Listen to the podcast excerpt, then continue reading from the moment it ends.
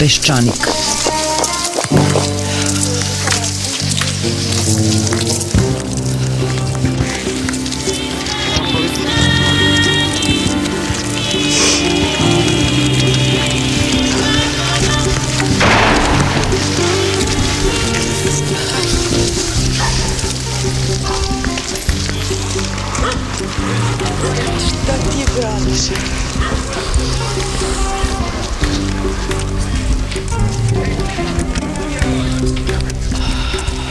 Peščanik.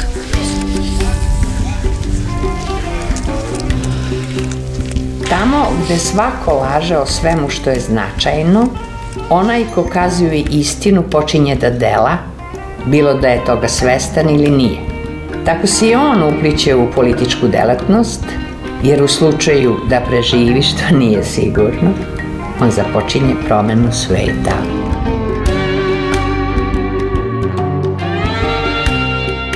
Vladajuća Srpska napredna stranka proslavila je ovih dana šesti rođendan. Oko astala punog džakonija tiskali su se razni državni i partijski funkcioneri, prijatelji, sinovi i braća. Predsednik se stidljivo smeškao, a premijer je izgledao pomalo šamućeno.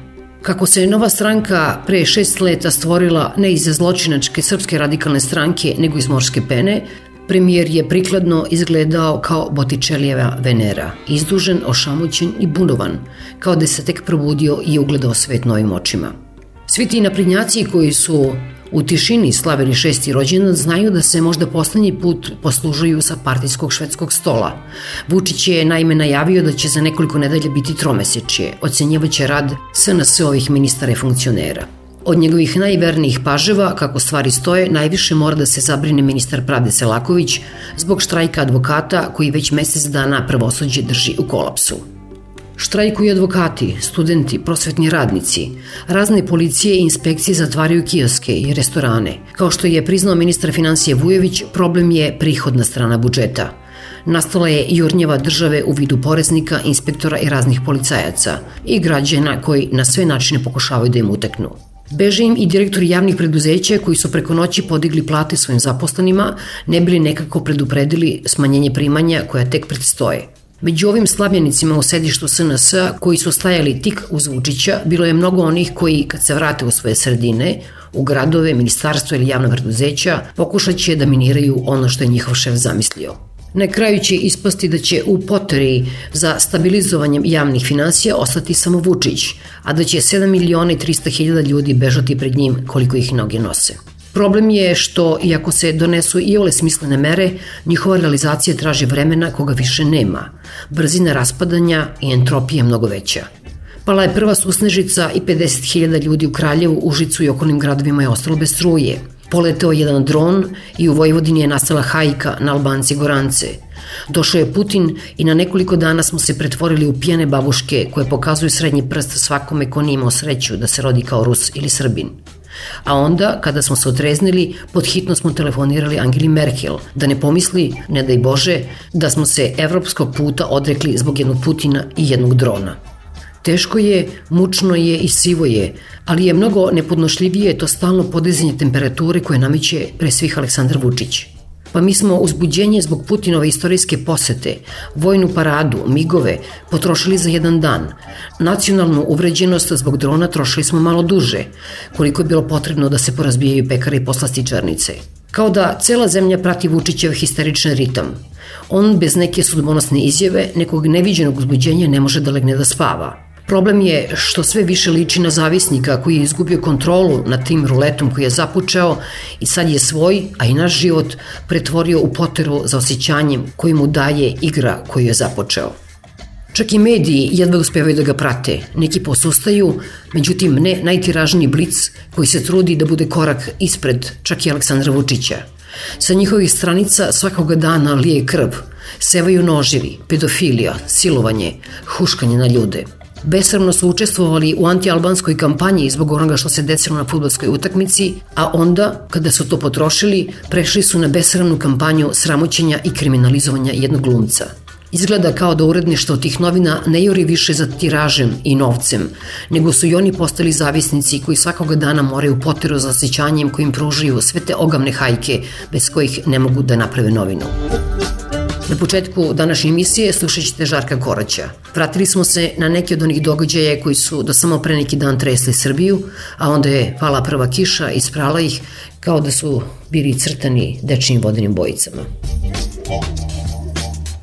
Iz Putinove posete što što proizašlo, ona je bila kao neki projektivni test proevropske orijentacije vlasti u Srbiji. Ti nacionalisti, bivši šešiljevci, koji su uvek imali primetbu na ljude koji su smatrali da Srbija treba trajno da transformiše državu i društvo na, po uzoru na najrazvijenije zemlje Evrope, Oni su uvek nama zamerali kako mi nemamo nacionalni ponos, da smo mi beskičnjaci i sluge. Onda o, o, op, obrta, oni to rezervišu samo za zapad, ali kad dolazi Putin, oni pokazuju jednu vrstu inferiornosti od koje vama bride obrazi. Prvo pomere datum obeležavanja. Sad pokušate zamisliti, na primjer, Francuska ne slavi 14. jula, nego slavi recimo 9. što Obama nije mogo da dođe. Ja mislim da bi i posljednji Francuz, znači bez obzira i levi i desni bi rekao o, ova vlast više nikada u istorijom treba bude u prilici da vodi Francusku. Dakle, e, vi jedan istorijski datum promenite da bi Putin 6 sati koji je bio u Beogradu mogu da bude. Sve ostalo što se zbijalo vezano tu posvetu je groteskno ali najviše, najviše groteskno način kako vi shvatate i taj datum i tu posetu. Vi vešto ubacite i prvi svetski rat, vi neprekidno govorite o srpskoj vojsci i o ruskoj vojsci. Ako Putin ispravno kaže u svom govoru sovjetska armija i kaže jugoslovenska armija. Vi ne pomenete Tita koji je bio glavno komandići ti isti trupa koji su oslobađale Beograd, sviđa se vama Tito ili ne, to je istorijska istina. Vi falsifikujete događaje. U govoru Tomislav Nikolić pozdravi predsjednicu Skupštine i pozdravi Dodika koji je, koliko znam, još uvek i to jedva izabran za predsjednika entiteta, ne države, uzgled zašto je pozvan, ne znam vi u tom govoru pomenete od generala sam Koču Popovića onda zato što je on iz Beograda, što ga smatraju Srbinom, a ne pomenete te silne crnogorske generala uz rečenog Peku Dapčevića koji su učestvovali, bi onda mora da priznaš jugoslovenski karakter te vojske. Vi pokažete jednu kombinaciju inferiornosti i potpunog nesvatanja istorije, istorijskih događaja. Ja mislim da je to pokazalo nešto što je sada mnogo dublje. Kao što su oni bez ikakvog obrazloženja promenili svoje političke stavove i od vernih sledbenika Šešelja postali, u slučaju Tome Nikoli, čak ne mogu ni da definišem tačno šta je, ali ja mislim da on je još uvek jedan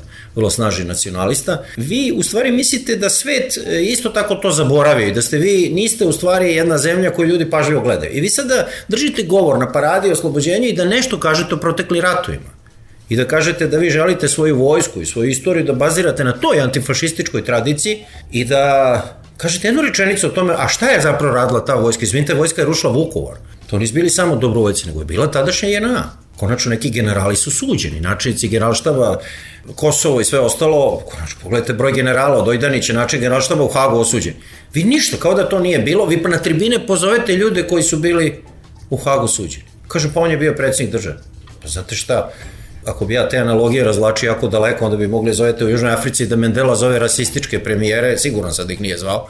Znači, vi pokažete jednu potpuno tako osjećanje da je istorija počela sa vama, a onda pokažete da imate jednu u glavi potpunu konfuziju i svesnu i nesvesnu, nenamernu, i namerno šta je bilo tim bitkama za oslobođenje Beograda, koja je to vojska učestvovala? I mene to nimalo ne čudi, ali Šešelj išao sa tim Čekićem Macolom da razbija Tito grob, I naravno Toma Nikolića ne može pomeni Tita, jer on valjda još veruje u to što mu je Šešelj rekao, on očigledno je još uvek vezan ideološki za Šešelj. To je jedna sramota strašna, sa onim patetičnim starim generalom koji sedi pored, a koji on vojsku tačno predstavlja, srpsku vojsku ili jugoslovensku?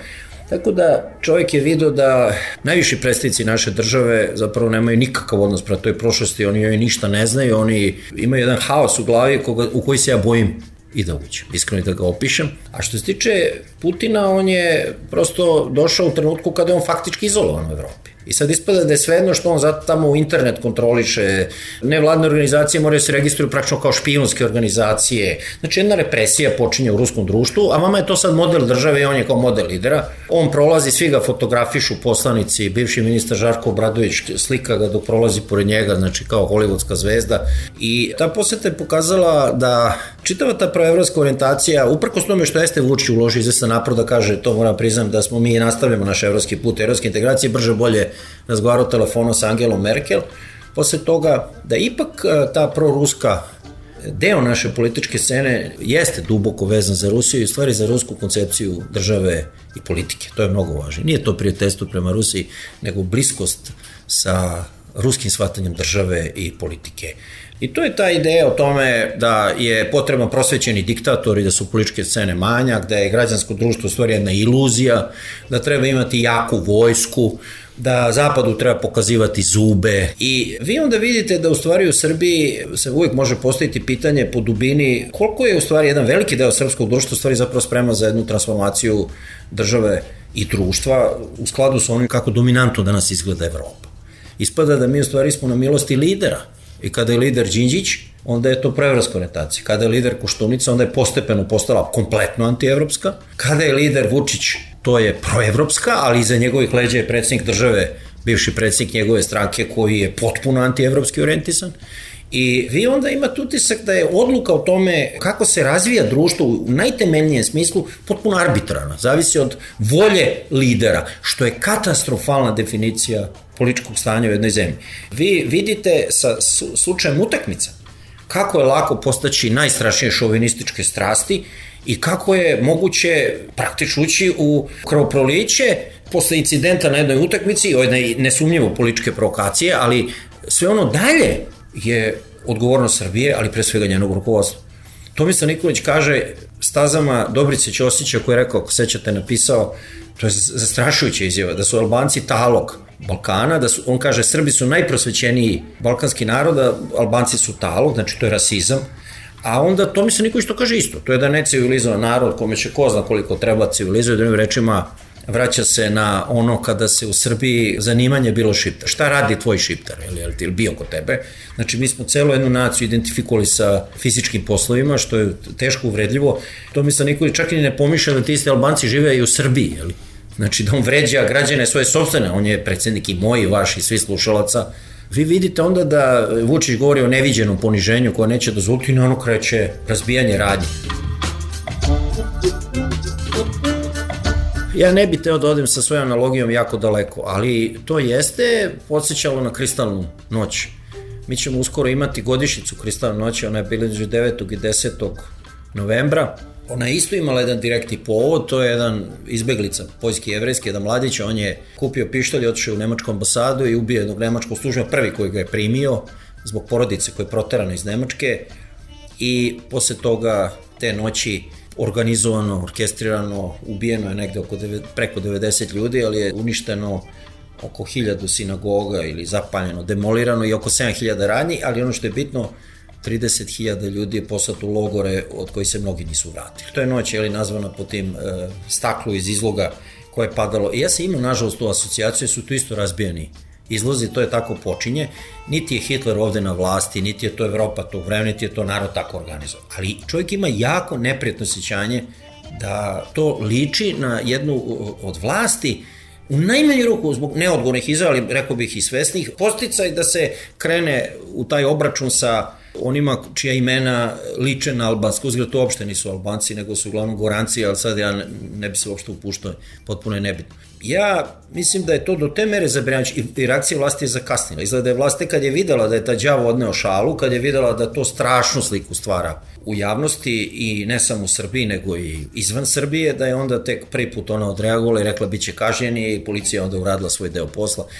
Ali kad čovjek gleda kako je lako postići te strasti i naročito prema Albancima, nisu tu presudne bile i neke neodgovorne izjave albanskih analitičara i političara da je to bila simpačna provokacija, nije tačno. Mislim, oni se pokazuju, ali to je problem za njihove intelektualce i demokrate i javne radnike da osude taj govor da je to otprilike simpatično, nije bilo simpatično i to je najdirektnija provokacija politička na, na sportskom događaju. Ali ipak je sve te izjave Albanaca su ovde umnožavane mnogo puta, činile naslove i ono što je mene iznano, zaista iskreno iznenadao neki dnevni listovi koji do sada nisu bili ratno huškački, sad su postali definitivno. Znači, u stvari se širi krug tabloida u Srbiji. Ili ajde kažem tabloidizacije medija. Dakle, vrlo je plitko, vrlo je blizu kore to da odmać jedna erupcija, ne treba mnogo ovaj, mržnje, zebnja me hvata kad vidim da maloletnici idu i kamenuju radnje, kakve veze ima taj čovjek koji prodaje kolače ili hleb sa incidentom na utakmici. On je naš građan, živi ovde, a sad doznajemo da je jedan tražio zaštitu po policija, nije pružao, sada policija čujem, celu noć dežura i čuva. To se pokazuje kako je lako ovde postaći nacionalizam, kako je lako odbaciti evropske vrednosti, kako je lako diviti se caru samozvancu Putinu, iako je on izabran demokratskim izborima, kako je lako tvrditi da mi gubimo nacionalni identitet samosvojnost, to je glavni argument kad ideš u Evropu. Ne to stalno pitaju ovi, ajde kažem, umeri nacionalisti. Pa čekaj, ali mi ćemo izgubiti, pa drugi će... Ali Rusima može. Rusi kad ti komanduju, kad izgubiš identitet pod Rusijom, to može. Onako kao kod Crnjansko, kad on, taj divni poetični roman sa Obama, to su ti Srbi koji su bežali, vojvođanski Srbi bežali, tražili svoju tu svetlu budućnost i bežali u Rusiju i tamo nestali, pretopili se, imate samo po neko prezime i to jedva je ostalo, ne postoje više. Znači, to je ta ideja da samo u Rusiji je ta sreća i tako. Znači, vi odjedno vidite jedno društvo koje e, je, koliko, iako je usvojilo tu proevropsku orientaciju, na najmanji događaj, poseta Putina, incident na utakmicu, odjedno kao vulkan jedan izađe ta lava od ispod, koja je katastrofal. Ja sam imao utisak da je nastavljena ta propaganda protiv Albanije i Albanaca, da bi Srbija bila spremna da zarati sad, bukvalno, ja ne preterujem. Da je neko rekao, ajmo sad da se naoružamo i da počnemo rat, da bi bilo kao onaj čuveni patetični iz Srednje Amerike rat, mislim Honduras i ne znam nikada ko je ratao futbolski rat. Čak i kaže Miša Platini, pa dobro, kaže, oni, mi smo i stavili istu grupu, znam da imaju neke probleme, ali nisu ratovali. Čovek ovaj, prosto ne može da pojmi da je moguće tako daleko otići u toj antidržavnoj propagandi. To je slika stanja ove zemlje koje treba svakog da uplaši. Jer s jedne strane se disciplinuju mediji na način kakav to nije viđeno od Miloševićih vremena, S druge strane se kriminalizuju političke stranke, one danas jedva preživljavaju. I svi govore, tako ezopovski se pitaju, a kako to da demokratska se raspada, a kako to da nema opozit stranaka. A istovremeno se prave da ne vide da nikada ovako sistematski nije kriminalizovana opozicija od Miloševićih vremena. Znači, vi ne možete dati jednu kritiku vlasti, s 15 minuta ne dođe, ti si gad, ti si lopov, sad ćemo mi istragu protiv tebe i, i stalno. Politički život Srbije je zamro. Jer da biste vi imali politički život, vi morate da pošto neku meru tolerancije prema onima koji kritički govore. Ovde imate u stvari, kako bi rekao, jednu satanizaciju opoziciju, tu vrlo sistematsku, gde se lideri stranaka, naravno većih, njima se u stvari preti hapšenjem neprekidno. Kada sve to spojite, onda imate jedno ekstremno nestabilno koji stvari zavisi od volje jednog lidera.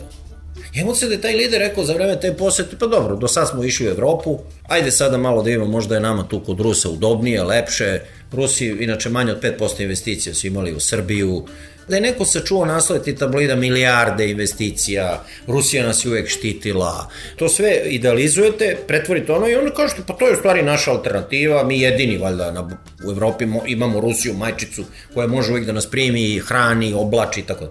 I onda vam se čini da vi imate onda jedan zatvoreni krug, kako bih rekao, Srbija nikad više nije ličila na prokletu Avliju Ive Andrića. To je ona znate šetnja u bašti jednoj. Ljudi osjećaju da ne mogu iz nje da izađu, ali, ali ne mogu zbog ovoga o čemu ja govorim. Oni mogu da izađu. Mi nemamo viza. Problem je u tome što on ima osjećanje te skobe da ne može da izađe iz svoje situacije. I svaka situacija je takva da vi doživite krah društva i krah i da. I samo još ovo. Oni govore stalno o tim poglavljima. Otvori se poglavlje pa ćemo mi da zatvorimo poglavlje. Pa nije to tehnička stvar. Te poglavlja koje vi otvarate kad počnu, inače formalni pregovori nisu ni počeli. Naš su očekivali do kraja godine, sada vidim da je rekao ambasador ovde u EPS da će to biti na proleće, to znači maj, znači to se ipak nešto odložilo. Vjerojatno se čekaju formiranje vlade Kosova i onda nastavak pregovora, jer zaista sad Srbija nema mogućnosti da nastavi, jer nema vlade tamo. Vi imate utisak da se to ne vidi kao šansa da se suštinski nešto promeni u zemlji. I sada kada vi govorite o poglavlju o primjena zakona, a vama štrajk advokata koji mesec dana stoje na ulici, to, to nema nikakve veze sa oteo. Vi imate mladići koji je asistent na pravnom fakultetu, vrlo mlad čovjek, koji kaže, bah, što njegove kolege stoje na ulici mesec dana, ali kada oni stoje na ulici, aj kaže šta nas briga za advokatima, to su umano, ali celo pravosuđe je paralizam. I sad vi hoćete da vladavinu prava sprovedete, a imate ministra prava koji neće da razgovara sa svojim kolegama. Pa, kako bih rekao, vi nemate A, hoćete da imate B, C, D, E, znate ono, nezavisno pravo sve. Imate jedan tako odnos, gotovo jedne nušalancije. Mi imamo većinu u parlamentu, mi znamo šta hoćemo, nas Evropa podržava, šta nas briga za vas. I naravno, u nekom zakonu entropije, neodređenost teži da se povećava. I u srpskom društvu se ta neodređenost povećava. Vi govorite o medijskim zakonima, Istovremeno, ministar se uglavnom naglašava uopšte kultura i medija, znači ovaj sa zanimljivom frizurom, se ne naglašava s njegov pomoćnik koji je bio ili, u B92 tako dugo direktor, ako se ne varam, on tek on se naglaša, a on stalno kad ga pitaju kaže mi radimo set zakona i sad se rade podzakonski akti. Ja mu čestitam na tome i to je dobro. Ali istovremeno on ima naslovne strane medija. E, imate danas jedan uticajni dnevni list je stavio glumca koji je optužen za obljubu nad maloletnikom, što je ozbiljno krivično delo. Imate fotografiju njegovo ime i prezime sa što je otac ga prijavio. Čekajte, A svaki čovjek je nevin, plus on je javna ličnost, on je glumac, on treba sutra izađe pred publiku da igra. Pa vi, vi ste uništili tog mladog čovjeka. Kako? Na osnovu čega? Što god? Možda istina, možda ništa nije istina. I to tek neka istraga može, a kamoli što bi sud na kraju, neka pravosnažna presuda mogla da nam odgovori šta se uopšte desu, ne znam. I onda vi imate uvijek jedan paradoks, da vi sada radite normativno, da vi radite formalno, a ne vidite tu kao šansu da se društvo istinski me. I sad tu dolazite do onoga što je ključno, što po mojom mišljenju čini besmislenim čitavu tu ideju iskrenosti e, evropskih integracija. Sve što radite unutar zemlje vam pokazuje da vi u stvari ili to nećete ili da to ne umete da radite. Nije stvar samo ciljeva, nego je stvar sredstava kojima se služite. Sredstva definišu čoveka onako isto kao što i definišu i cilje. Ja bih rekao da sredstva definišu još više od cilja. Ne kaže da ciljevi nevažni. Vi možete do nekog cilja doći na više načina, ali postoje načini koje ne prihvata demokratsko društvo. Mi smo stvorili jednu klimu u zemlji, jednu atmosferu koja je antidemokratska. To je prosto gola činjenica. Vi ne možete policijske istrage stavljati na naslovne strane tabloida. Svakom je jasno, jedan od njih se čak zove sada policijski bilten. To su nezakonite stvari, to su krivična dela. Znači, vi imate u masi aspekata društvenog života veliki korak unazad. Znate šta, hvali vas Evropa, vi ste, ćete otvoriti pregovore, ićete od poglavlja, a istovremeno društveni život ide u potpuno drugom pravcu. Sve to što vi treba sada da popravljate, u stvari regredira.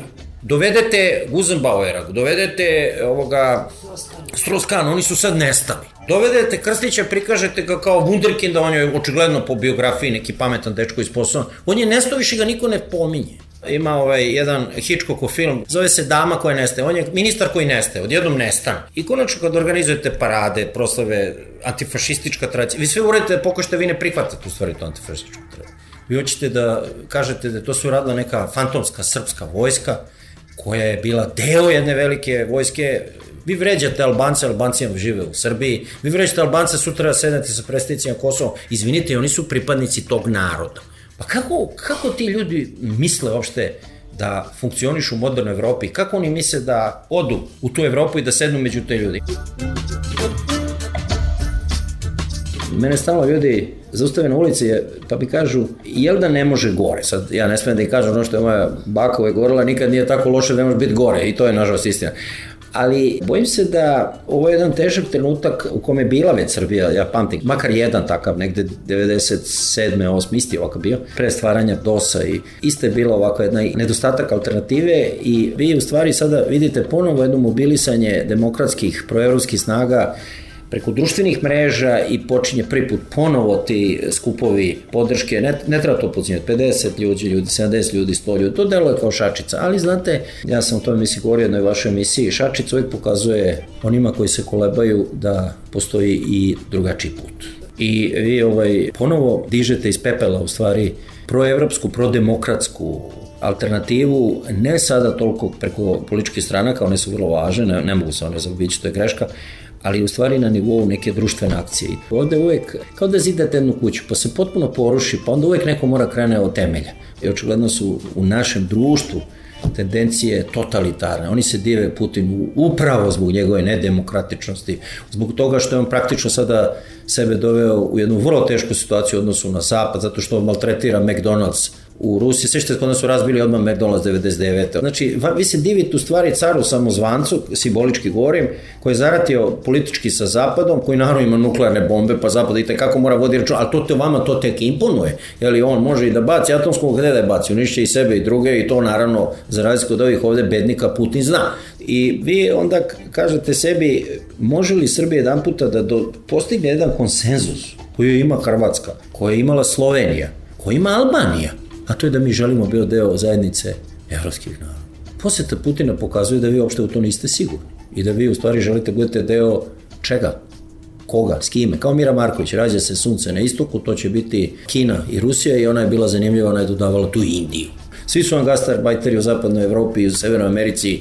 Sve što ste dobili odatle ste dobili od industrijske revolucije, Gutenbergovog, onog štampanog sloga, dobili ste Berzu prvu, dobili ste zakone, dobili ste Njutna, dobili ste Beethovena, sve je došlo iz te koji mi preziramo, ili Evrope, koja je dala veliki doprinos onoj kulturi koje mi pripadamo. I onda kad se pojave Rusi, onda odjednom to prsne kao mehur od sapunice vidite da vi u stvari imate predsednika koji u to ne veruje, koji je neobrazovan, koji je vratno dekoncentrišamo najvažnije da mu sin postane gradonačelnik Kragujevca, u nekim tamo mahinacijama stranačke, a ne na izborima, molim vas.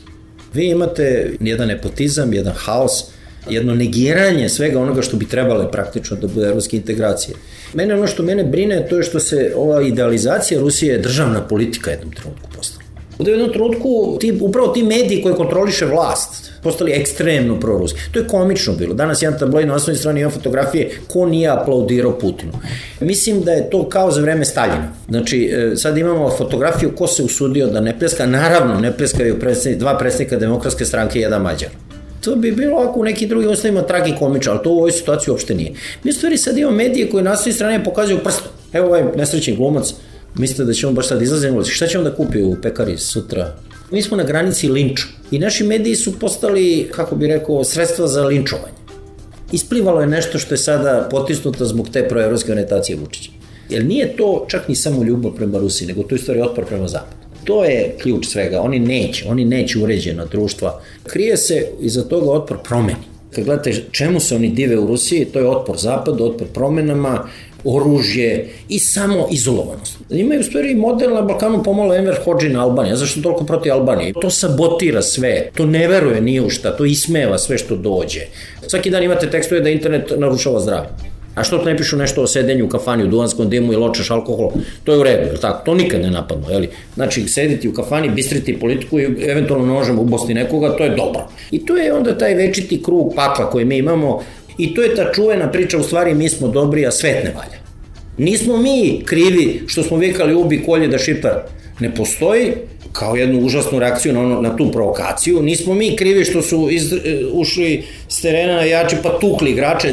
Ajde to, ali ono kasnije što država radi, to je apsolutno stav države. Da su oni necivilizovani, da je to, pro, da, da je to direktno premijero brat pustio ako nikakvog dokaza, možda jeste, možda nije, ali ja nisam vidio dokaz. Da su oni takav narod, da su oni, e, kako bih rekao... E, Noćna mora čovečanstva. A znate šta je interesantno? Oni su rekli da je velika, ne, velika Albanija je noćna mora. Ali ono što je fascinantno, oni su bili u stranci koja je izdavala časopis koji je zvao Velika Srbija. Tako da je stvarno meni to ovako tragikomično. Ali onda Albanci vama kažu, mi govorimo o državi Albanije, oni kažu vama, ali znate šta, vi ste te ratove pokrenuli, vi ste svoja čuda napravili, vas svet malo drugačije si sasuti nego nas i to je tačno. Vi ste delinkvent na, na probi. Svet gleda da ste vi se odrekli stvarno svega toga. I sad gledate na toj tribini ljude koji sedeli u Hagu i ja mislim da su mogli, oni bi Ratka Mladića ostavili sve te Znači, vi uspete, to je ozbiljno politički uspeh, vi uspete da imate paradu, govore na paradi i neku akademiju sa nekim predstavom ili pučkom nekom, da ne upomenete ime Josipa Broza Tita. To je, da kaže, veliki uspeh. Zamislite da obeležavate kraj drugog svetskog rata i, nešto, i ne pomenete uopšte Churchill jednu trenutku.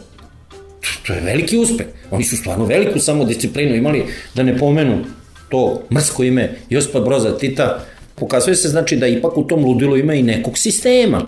Bilo bi veselo da mi lepo živimo, da živimo mirno, da je priroda razvijena, da naši sudovi rade, da su naši advokati zadovoljni, da naše škole rade, ali pošto sve to nije dobro, onda ovog čoveka na neki način čini jako nespokojnim. On, on se stalno pita da li je sve kod nas neka arbitrarna odluka lidera. Kao da ljudi nemaju ovde najosnovnije da bi bili nosioci demokratskih promjena, osjećanje da oni odgovaraju za svoju sudbinu i sudbinu društva. To je za mene ovako najporaznije kad se situacije. Kao da su svoju odgovornost za svoju sudbinu i sudbinu svoje dece, ali pre svega svoju pružili drugom i rekli, a, ti radi s time šta hoćeš, pa ako si dobar, bit će nešto, ako ništa, sršit ćemo te, pa nema veze. Nema veze što smo izgubili 5 godina, 10 godina. Bila je svojevremeno jedna grupa naučnika, Palo Alto grupa, ona se bavila problemima komunikacije. Oni su skovali jednu reč koja se na engleskom zove double bind, kod nas se prevodi kao dvostruka poruka, ali pravo bi prevod na srpski bio dvostruka poruka suprotnog značenja. Vučić je neprekidno u tom obrazu. On kaže ja sam demokrat, ali on kaže ja sam demokrat.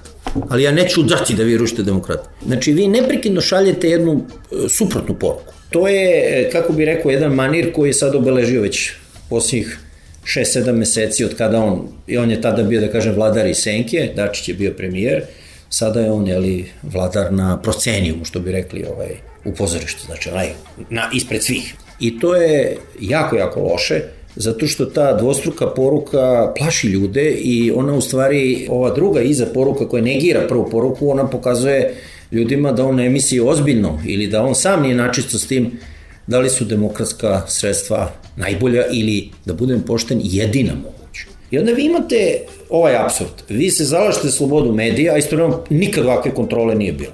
Vi se zalažete za nezavisnost pravosuđa, puštate da ministar uđe u rat sa, evo sad oni traže da vide njega, čak mu se oni očajnički obraćaju advokati, ne dajte da vas on bruka i tako dalje. To ne znači da ti treba svuda da arbitriraš, ali nisi izabrao lošeg saradnika. Ali vi kad imate Vučića, kad on razgovara, on često razgovara ljubazno s ljudi, ali vi ne znate u sledećem trenutku da će on da plane i da kaže ne može. I vi onda ste, ja ne kažem da se to desiti u Srbiji, ali vi ste jedan korak do diktature. Vi ste imali diktatore koji su mislili da čine dobro svome narodu, da bude paradoks veći, neki od njih i jesu u nekim aspektima pomogli svome narodu, ali to nije nešto što modern svet danas može da prihvata. I to je ta priča o dobrom diktatoru, čoveku koji će da strada u Prometeju, koji će sam da donese svetlost narodu, jer to je Prometej uradio, bogovi su ga kaznili, dono im je vatru, jer to je svetlost, prosvećeno znanje. To se zove nekada i u patologije, psihopatologije, prometejski kompleks, da ćeš ti stradati, ali ćeš ti doneti dobro. To je jedna preterana slika sebe, znači ne šminka, što je bio Boris Tadić, znači to je bila jedna Ja sam uvijek rekao da je meni tadašnja vlast ličila na jednu veliku šminkernicu. To ceo dan su ljudi ulazili, izlazili našminkali, ako hoćete, plastičnu hirurgiju i to je naravno strovalilo se najstrašnije. A ovo sada izgleda kao jedna kompozicija gde samo jedan krmani i samo jedan radi I taj jedan kaže, dobro, ja ću vas dovesti, vi ste nikakvi bedni, on to misli o svojima, isto, on, ja bih da misli gora svojim iz stranke nego svima nama ostalima, vi ste ni za šta, ja ću, ne možeš sam, šta znači, kakve su to prometejske, ja, ja izbegavam psihološke termine, postoje malo gori termini, ja sam izabrao ovako jako lep, iz antičke drame, prometejski taj kompleks, da li si ti donao vatru ljudima, to će s buduće generacije da se Meni najviše smeta uništavanje medija i uništavanje opozicije stranaka. Dugoročno, to su dve sudbonosno loše stvari za Srbiju. Kaže, nema opozicije ni stranaka, same su nije istina. Vlast ih sistematski uništa. One naravno i delimično same sebe, a nije tačno. Vlast sistematski. Pogledajte kako sad se samo bave Pajtiće, ne bave se Đilasom. Čim nije predsednik demokratske stranke, to je sistematski pokušaj da se strava zatre, da nema ni jedne, sem one koje će njima da služe, i koje oni mogu da izaberu onako kao ovaj cveće na pijaci, koje ćeš cveće da kupiš za kuću. Znači šta ti treba za vlad. To se zove demokratija. Nema medija i nema opozicija. Pa šta je onda demokratija? Lider, demokratski lider i narod koji ga prati u svetlu budućnost ide, pa ne ide to tako. Kako bih rekao, to je put negde drugde celokupna ta užasna energija koja se troši propagandna, da, da se ubedi da živimo u najboljem od svih mogućih svetova, to je ismeo već Volter u Kandidu, li? taj njegov Kandid, što inače u prevodu znači naivko, on na kraju svoju baštu uprađuje. Znači tako se završi njegov odnos sa svetom, da on ima jednu divnu baštu koju uređuje i otprilike to je sve što čovjek može da uradi. Bojim se da nećemo imati ni tu baštu kad se završi cela priča. Pre nekoliko godina u novinama se pojavila fotografija iz Pakistana na kojoj policajci tuku neke ljude u odelima sa aknutašnama i trpaju ih u marice. Bili su to advokati koji su se bunili protiv odluke vlade koja je zadirala u nezavisnost advokature i sudstva. Ne sećam se da sam igde drugde pročitala da je praktično cela advokatura, kao ovih nedelje kod nas, mesec dana u štrajku, a to znači da je mesec dana pravosuđu u kolapsu. U Peščaniku smo već pričali o razlozima ovog masovnog protesta, a novosadskog advokata Vladimira Beljanskog smo zamolili da nam kaže da li ima izgleda da se protest uskoro završi, da li ih je ministar Selaković udostojio pažnje ali najpre sam proverila da li on zna da je još negde postoji ovako masovan protest advokata. Slušate Vladimira Beljanskog. Koliko ja znam, ovo je jedinstven protest u advokaturi u svetu, a, odnosno ne znam da je ikada igde advokatura toliko dugo bila u obustavi rada zbog neslaganja sa i nemogućnosti pregovora sa ministarstvom. Tako da tu smo izuzetak zaista i video sam da je kolegama iz inostranstva bilo prvo teško da shvate šta su razlozi za naš protest i kako je moguće da više od mesec dana moramo da potpuno obustavimo rad, ali kada im je objašnjeno zbog čega je to tako, onda su takođe shvatili zapravo da sa druge strane nemamo pregovarača, nego imamo jednu demonstraciju sile, što svakako ne bi trebalo da bude zadatak Ministarstva pravde.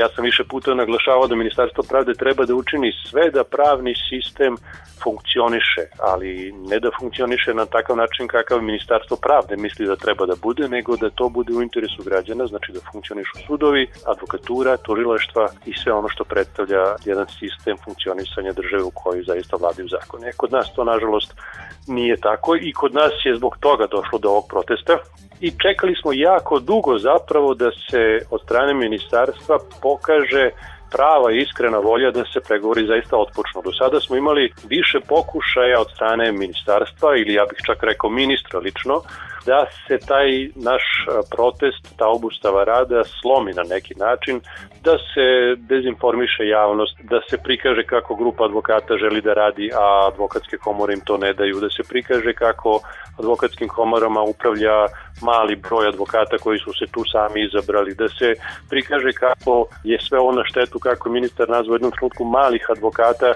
a, a veliki advokati eto, rukovode ovim, pa je onda obrnuo situaciju, pa onda rekao, evo, evo, evo velikih advokata koji su dobri i na neki način lojalni, a svi ovi ostali koji hoće da obustavljaju rad su nelojalni i tako dalje. Međutim, to mene sve podsjeća na ono kada iz američkih filmova, kada se prikazuje situacija tamo 30. godina, pa štrajkuju radnici u nekoj fabrici, onda poslodavac pokuša da učini sve da taj štrajk slomi, pa pokuša da pronađe štrajk brekere, na kraju pošalje gangstere koji isprebijaju trekače. E sad, kod nas naravno do toga nije došlo, nadam se da ni neće doći, ali kažem, bilo je potrebno više od mesec dana da čekamo da ministarstvo uputi zvaničan predlog advokatskim komorama na pregovor. I to ponovo na pogrešan način. Dakle, ministarstvo je uputilo pozive, iako smo istakli potpuno jasne zahteve koji su navedeni taksativno po brojevima a sve je to ministarstvo poznato od početka i tako dalje. Dakle, čekali smo više od mesec dana da bi ministar poslao poziv na pregovore i to je urađeno na taj način da nije pozvana advokatska komora Srbije kao jedini legitimni predstavnik advokature u Srbiji, nego su pozvane, tako da kažem, regionalne advokatske komore kojih ima osam u sastavu advokatske komore Srbije. I naravno sve advokatske komore koje su dobile poziv su odgovorile zahvaljujemo se na pozivu, ali obratili ste se na pogrešnu adresu, treba da se obratite advokatskoj komori Srbije koja je jedina ovlašćena da sa vama pregovara.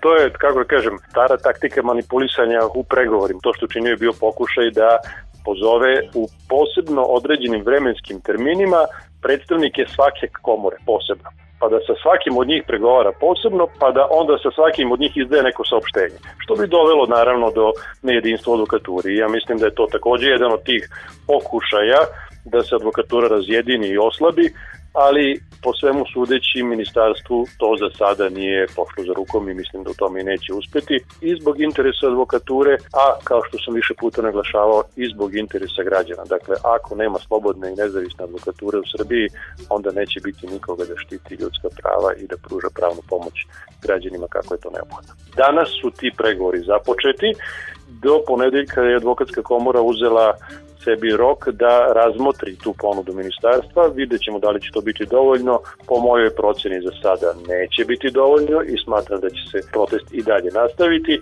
sa svim zahtevima, uključujući i zahtev za smenu ministra pravde. Ovo već traje jako dugo. Ima indicije da će to trajati još danima, da ne kažem duže. Ovo je dovoljno, dovoljno je samo ova jedna nemoguća situacija da je paralisan rad sudstva praktično mesec dana. Kako god da se to završi, neko tu mora da ode ili ministar ili recimo ne znam vaše rukovodstvo koje je nije dobro pregovaralo pa e, jednostavno dobilo takođe ovaj sve nas u tu situaciju. Neka se razreši na najbolji mogući način, tu prosto je suviše ozbiljna stvar je u pitanju i suviše mnogo je štete naneto. Potpuno su pravo, ja se potpuno sa tim slažem. A, prema tome, ukoliko zahtevi advokatske komore Srbije budu usvojeni, onda je jasno da je Ministarstvo pravde napravilo veliku grešku time što je pokušalo da sprovede zakon koji su bili loši, neustavni i na štetu građana. Kako će i ko snositi odgovornost za to, to zaista nije sada do mene da komentarišem. Ja naravno imam svoje mišljenje i mislim da je zahtev advokatske komore za smenu ministra potpuno opravdan i da je to nešto što je neophodno.